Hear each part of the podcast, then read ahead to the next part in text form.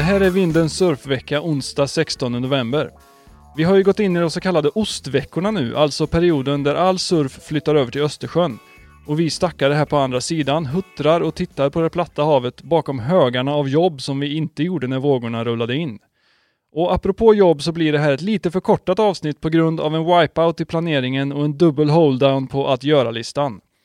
Men ni vet vad man brukar säga, en missad våg är också en våg och den som väntar på ett sätt väntar aldrig för länge.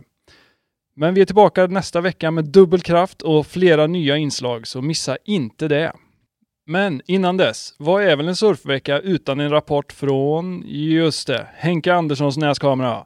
Så här såg det ut när Henke fejdade vänster på en höger i fredags och hämtade lite ny energi i skumpartyt innan havet blev helt platt.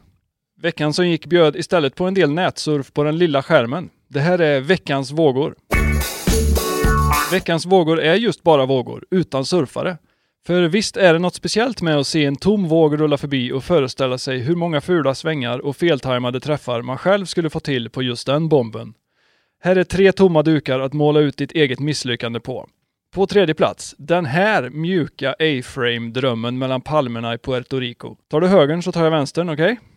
Motsatsen till mjuk har vi på andra plats, där det här huset av glas från Kanarieöarna kollapsar och vänder ut och in på sig själv över ett antagligen alldeles för grunt rev. Starkt, men ännu starkare är veckans etta, nämligen det här monstret som välter en bit under havsytan i västra Australien. Det var nog tur att den där var tom alltså. Vi avslutar lite mjukare med veckans bubblare. Där har vi den här grågröna drömvinkeln som bjuder på inte mindre än 10 sekunders tubmeditation från insidan.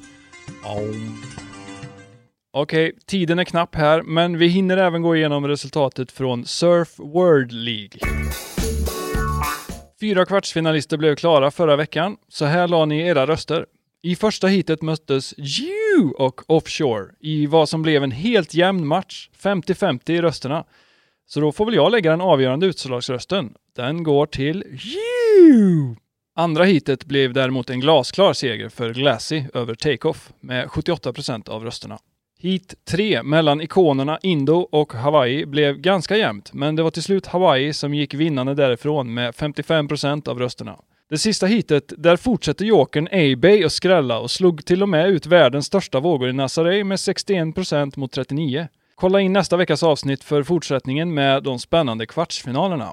Vi ska såklart även ta en titt på prognosen för kommande vecka. Ostveckorna verkar fortsätta som sagt med rejält med vind och vågor hela helgen och veckan som kommer för er som har turen att befinna er kring Östersjön alltså. Medan vi här i väster får ha tålamod och hålla ut en stund till.